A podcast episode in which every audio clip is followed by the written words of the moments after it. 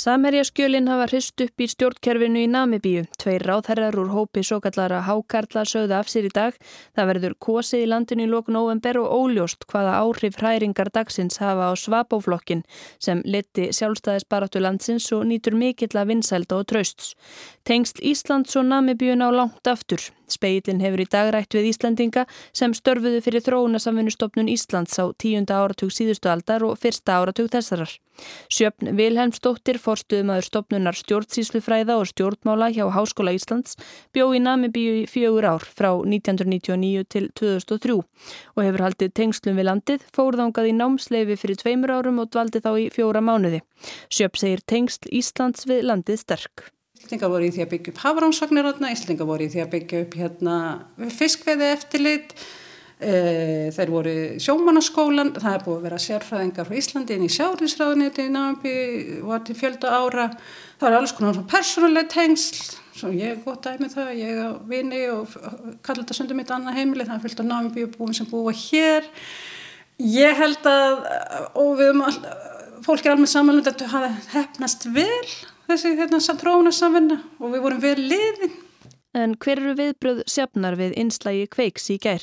Uh, þetta komir sér ekki á óvart því miður og, og það hefur ekkert sér með einstaklingarna sem voru þarna fyrirtækin per se svona eru, segja, viðskipta hættir til að komast yfir auðlindir ekki bara í náðumbíu heldur bara þetta kannski lýsandi fyrir alla eh, alvuna, því miður því miður og spillingi lýsir sér þannig að það eru einstaklingar í valda miklum stöðum sem fara inn í viðskiptin sem hefði átt að vera millið þá fyrirtækisins frá Íslandi og nambíska ríkisins eða eitthvað skilur ganga inn í þessi viðskipti, taka eitthvað til sín sjálf, láta hlutin að gerast. Og, og aftur, þetta er ekki bundi við nambíu og þetta er ekki bundi til að við þetta einn tilfelli sem, eða, sem við erum að ræða hér.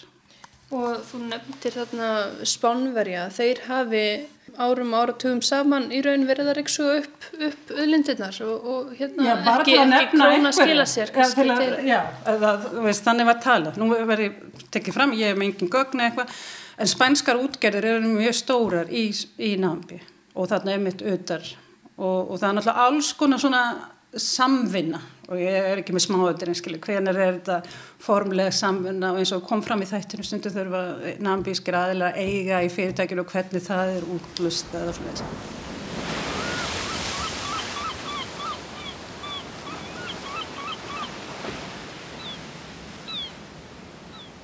Ég er bara mjög slegin eftir að vátt á hann. Og það er verst að við að þú veist ég trú þessu Kom þetta þá ekki á óvart? Nei, ég er búin að heyra ávæning eftir svo búin að þú veist heyra frá nefndi, mennu gamlu nefndu mínum og sliku upp og þeir verða ekki dánaðir en þetta væri svona svakald það hef ég bara ekki trúað. Þetta segir Inga Fanni Egilstóttir, hún var stýrimaður á Hafrannsóknarskipi Namibíu árið 1994 og kendi við sjómanaskólan á árunum 1999 til 2001. Hún segir að nú sé illa komið fyrir sjómanaskólanum sem íslensk stjórnvöld áttu þátti að koma á laginnar. Sjávarútversstofnun Namibíu standi líka illa. Það sem hefur að gerast þarna og það veit ég sko bara fyrir að vinslan í landi hefur minkað. Þetta er bara færst út á sjó, þetta er ekkert að koma til Namibíu og nefndu mín í skólanum það er bara halv og loka namfi vegna þess að þeir eru ekkert að fá aðtunutækifæri nema takmarkað. Þeir eru ekki að stjórna þessu stóru tórum. Þannig að nef nefndur fá ekki tækifæri að loknu námi? Ég hafa ekki fengið lengi og eiginlega skólinn hefur verið á nýðuleið í mörg mörg ár. Það er mjög sátt að sjá skólan verða svona gagslösun og hverfa bara. Og, og líka sko að því þú veist maður var að vinna með hafrásunarliðinu og þeir fóra á stað fullur björnsinu og gerði marga, marga góða hluti. Að mann fannst ég að fyrir betra heldur hérna heima. Svo fór að vanta peningin í þessu stofnun og þetta fór að verða svona eitthvað svolítið skrít Já, og er það tengist það bara efnaðars stöðu landsins eða tengist það þessum sko þá er ekki bara að tala um, um hérna það sem verðist þá að gerst með samherja heldur kannski bara því hvernig eh, fleiri fyrirtæki hafa uh, nýtt sér auðlindir án þess að greiða til samfélagsins. Það er alveg partur af því og svo bara hvert á fara peningarna sem kom inn úr yðnaðinum og með að við tekjum þessu sjávarútunar í nambi hefur gefið þá að allir í volvinsbygði geta bara átt sín fínustu hús. En það var bara mentali til að það þarf ekkert að borga þau. Það er ekkert fann einn laug. Já. Og það var þetta þegar við vorum með nambi að þá var svona, útlendika voru reksturum og normin líka. Það var bara eitthvað til þess að útgerðna sendu nefnundur í skólan þarna og lærðu. Og svo fokkast það bara allt upp því miður.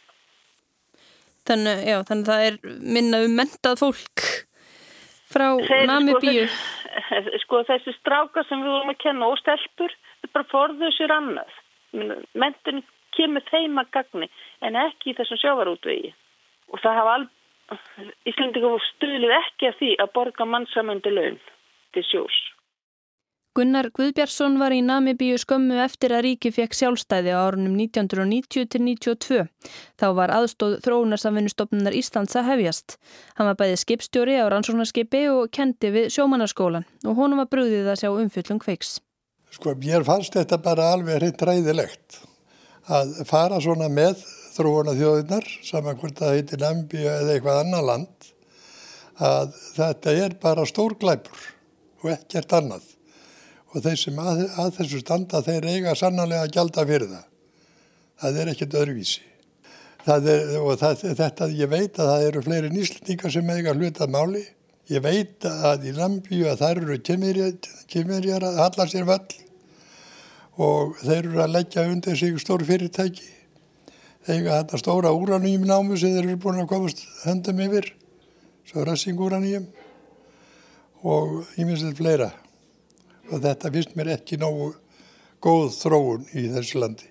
Að afla þarna mikið stór, mikill að verðmæta og fara með þetta allt úr landi að það bara þjónar ekki neinum tilgangi sem að ætti að gera í svona, svona landi sem að þarf í rauninni á hjálpað halda. Það er fréttir bárust í morgun að fórseti Namibíu Haka Gengop hegðist reka dómsmálaráþeran Saki Shankala og sjávarótversráþeran Bernhard S.A. úr ennbætti. Um hátegispil sögðu ráþeirarnir tveir af sér. Báðir eru þeir sakaður um að hafa þegið greiðslur frá dótturfélögum samherja fyrir að greiða fyrir því að félögin fengju eftirsóttan hrossamakrilskvota. Vinir Sjafnar Vilhelmsdóttur í Namibíu hafi í dag sömur deilt umfjöllun þenn Namibían um málið og sömuleiðis enskri umfjöllun stundarinnar. Þá eru kostningarnar mikið rættar í Namibíu, þær verða þann 27. november en í dag geta herrmenn, lauruglumenn og sjómenn kosið. Þannig að ég sé að það tekur upp líka plás í hérna, fjölmjölunum. John Grobler, sjálfstæður rannsórnablaðamæður í Namibíu, heldur því fram að Svapo stjórnarflokkurinn Vinsæli sem leiti sjálfstæðisreifingu Namibíu á sínum tíma sé í klípu. Uppljóstrarinn íslenski Jóhannes Stefánsson hafi afhjúpað ráðherrana tvo og svo glufa sem hafi myndast í skipskrokk Svapo gæti sögtónum í kostningunum. Þetta sé hinn fullkomni pólitíski stormur. Sjöfn segir hörðu viðbröð forsettans aðtiklisverð. Hún hafi gjörði vitni að slíku útspili áður í namibískum stjórnmálum og það er kannski, kannski það besta sem kemur út fyrir okkur öll hérna, sem, er, sem snýra okkur hérna, íslenska hlutunum eða alþjóðlega fjármálakerfinu að flytja peninga eða þá loksins í námbíu að, að það er einhver svona, veist, það er gert grein fyrir því hvernig svona farið fram að þurfa einhvern veginn að taka afleðingunum en að tveir einstaklingar hátsetti þurfa einhvern veginn að bera ábyrða sig því það er ekki það að þetta kerfi hverfi sko, þetta er miklu dýbra, flóknara, viðtækara endur en það. Í Namibíu sé talað um spillingu en á sama tíma sé trösti til svapa og mikill. Og þetta er náttúrulega vel, vel þekkt líka í Söður Afríku með afríska þjóðaráði og var lengi vel líka náttúrulega í Stimbabwe. Það er eiga svo mikið inni, alltaf hjá þjóðinni þessi valdhafar. Namibíu er rík af auðlindum, það er ekki bara sjávarútvegurinn heldur líka námu og demantavinnsla og þar þrýfst sjálfsagt spillingamati sjafnar.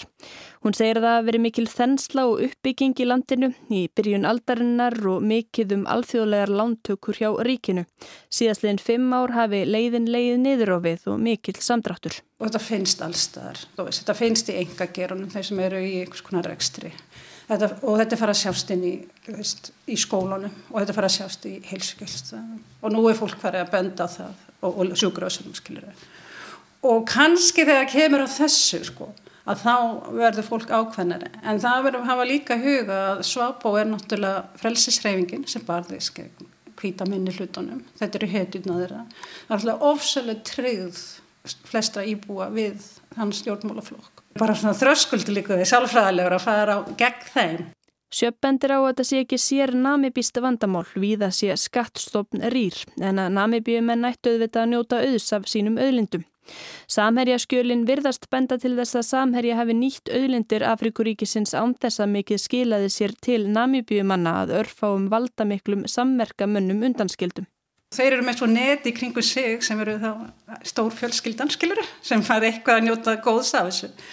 En á meðan náttúrulega eins og hefur verið, verið fréttir hafa verið í náðum undanferðin misseri, sko. Sjúkurjásinni, það er ekki vantar mat, það vantar búnað, þú veist, við erum að tala um, dýnir í rúm, starfsfólk, skólanir það sama líka, það er bara ekki til peningan, það er ekki betra að allir borguðu sinn skatt og gerðu upp og þetta færi þá ríkis sjóð til að fjármögnus þess aftar verkefni.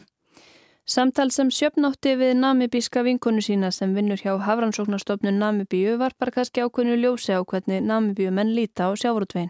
Hún kom hérna fyrir árið síðan hún kom hérna á stöfnu og fór vestur á, á fyrðu þannig sem ég er frá Ísafjörðu og var, var hérna í nokkru dag og og skoðaði sig um náttúrulega og svo kom hann inn aftur og ég náði hann á flöðlinn og, og áður um að fór út á keflæk og fyrir ára þetta og hann var að undrast yfir því svona á smá staðir skilur, hefði samt svona góða vegi og það voru brýrælstaðar og ég sagði bara, já auðvitað ég náttúrulega úlst upp að það auðvitað. Auðvitað eru með vegi og brýr og allt til alls og, og, og hver borga fyrir þetta sjáurúturinn þetta, þetta var það sem bjóð til auð hérna á Ísland og henni fannst það merkilegt að það skilaði sér til samfélagsins.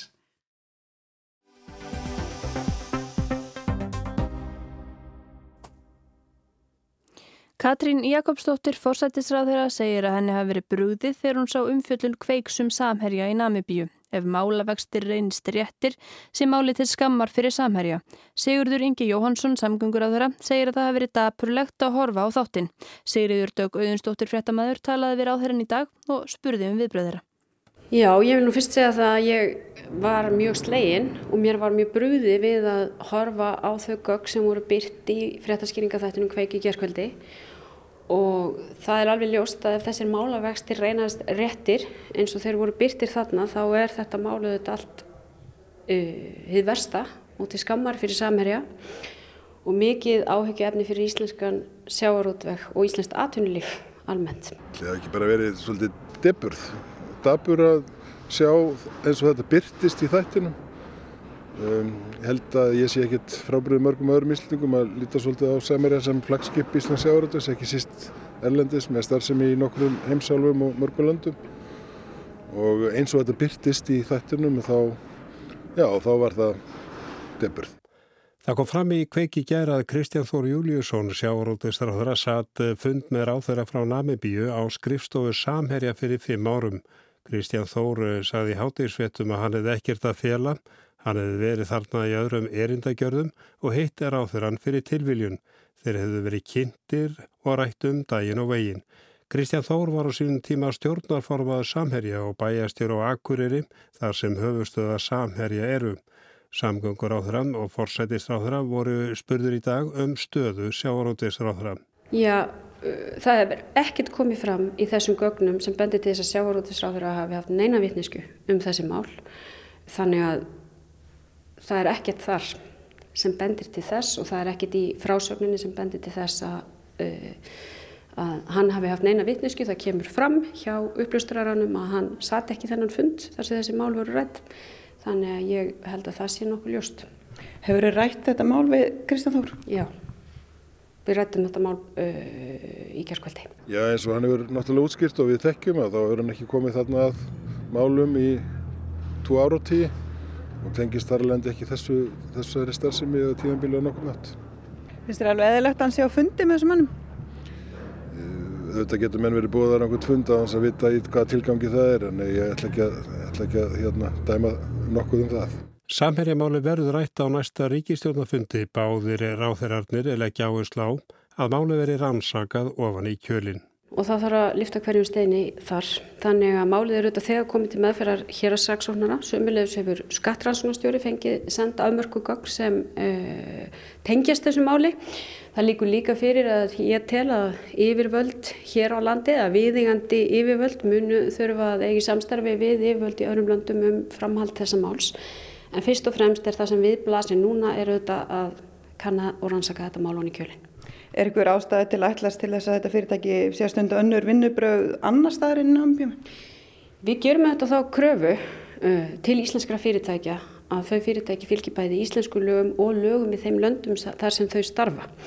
En hins vegar verði ég að segja það að eins og þetta mál blasti við í gær þá fannst mér það minna á óþægilega uh, gammaldags nýlenduherra sem er að nýta sér veikleika í stjórnkerfi við komandi lands. Ég, ég til bara mjög mikilvægt almennt séð og hefur nú skilst að málið séu komin í þann farveg að þetta verði rannsaka til lítar. Ég held að það sé mjög mikilvægt fyrir bara allra aðila vegna í þessu máli og áður við fellum dóma að, að slík rannsók leiki fyrir hjá, hjá þar til bærum yfirvöldum og, og ég held að, að við ættum að það veri mjög gott ef að hægt verið að hraða því eins og mikið og kostur er. Trúir þú skýringum samherja að þetta hafi verið uppljóstrænin sjálfur sem að eitt stóð fyrir þessum uh, gjörningum? Ég, segi, ég ætla ekki að dæma um þetta en, en eins og þetta byrtist í gær var það svona dabur frásögn nokkuð trúverðug en auðvitað geta verið fleiri hliðarmálunu og þess vegna mjög mikilvægt að það veri rannsakað að þar til bærum yfirvöldum eins og mér skilst að síðan þegar að þefjast. Þrónar aðstóð Íslands í Namibíu hófst árið 1990 og laugu 2010. Hún fólst fyrst og fremst í því að veita aðstóð til að byggja upp og styrkja innviði þar í sjárótvegim. Katrin Jakobsdóttir segir það dapulegt ef þetta tröss sem þá skapaðist hafi verið misnótað. Mér finnst það sérlega dapulegt eftir að Íslands stjórnvöld hafðu lagt sitt af markum í gegnum þróunarsaminu hér á árum áður í þessu landi. Að e, það tröst sem þá skapaðist á Íslandi ef það hefur verið misnótað með þessum hætti. Þá er það sérlega dabulett. Samherja málið brann nokkuð á íslenskum stjórnmálamönnum í dag við upphaf þingfundar þó ekki væri, á, væri ekki á dagskrá og var rætt undir liðnum fundarstjórn fórsetta. Fundur er settur á alþingi, Lótningi Herðardóttir. Mútur, skattaskjól, peningaþvætti, spilling, græki og áhrif og unditök auðmanna á land og þjóð.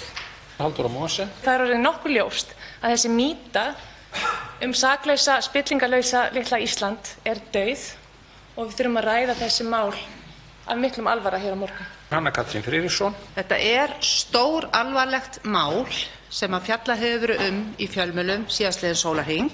Guðmundur Ingi Kristjánsson. En það sem slæmir mest er það að það er akkurat ár, ár síðan að var hérna við komumst í heimsfréttirnar út á drikkilátum hér á bar 100 metrum í fjallan. Og hverju var kent um það? Hverju var kent um það að þetta var fórslega? Jú, uppljóstrarum. Og hvað erum við að upplifa nú í dag? Spillingu sem er bara látt út fyrir það sem maður getur ímyndað sér. Og hverju er kent um? Uppljóstrarum.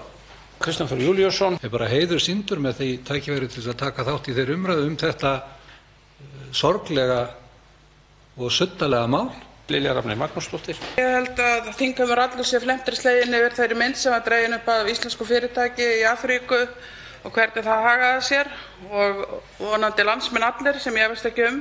Fórseti vil fagna því að hæstv. sjálfs landbúnaðarráðherra hefur þegar orðið við þeirri beiðni sem hér var framsett í byrjun af hv. þingmanni Oddnýju G. Harðardóttur, formanni þingflokks Samfylkingar og sömuleiðis vill forseti þá upplýsa að hann hefur verið í samskiptum í morgun út af þeirri beiðni að hér geti farið fram sérstök umræða um, um þessi mál uh, á morgun og, og vonandi tekst að koma því þannig fyrir. Þarna heyrði síðast í Stengrimi Jóð Sigfúsinni og má vænta þess að sérstök umræða verða á þingju um málið á morgun. Speklinum í kvöld var ránt farið með nafn Guðbjörns Gunnarssonar, það leirittist hér með. Það er ekki fleira í speklinum í kvöld, tæknimaður var Rappkjell Sigursson, verið sæl.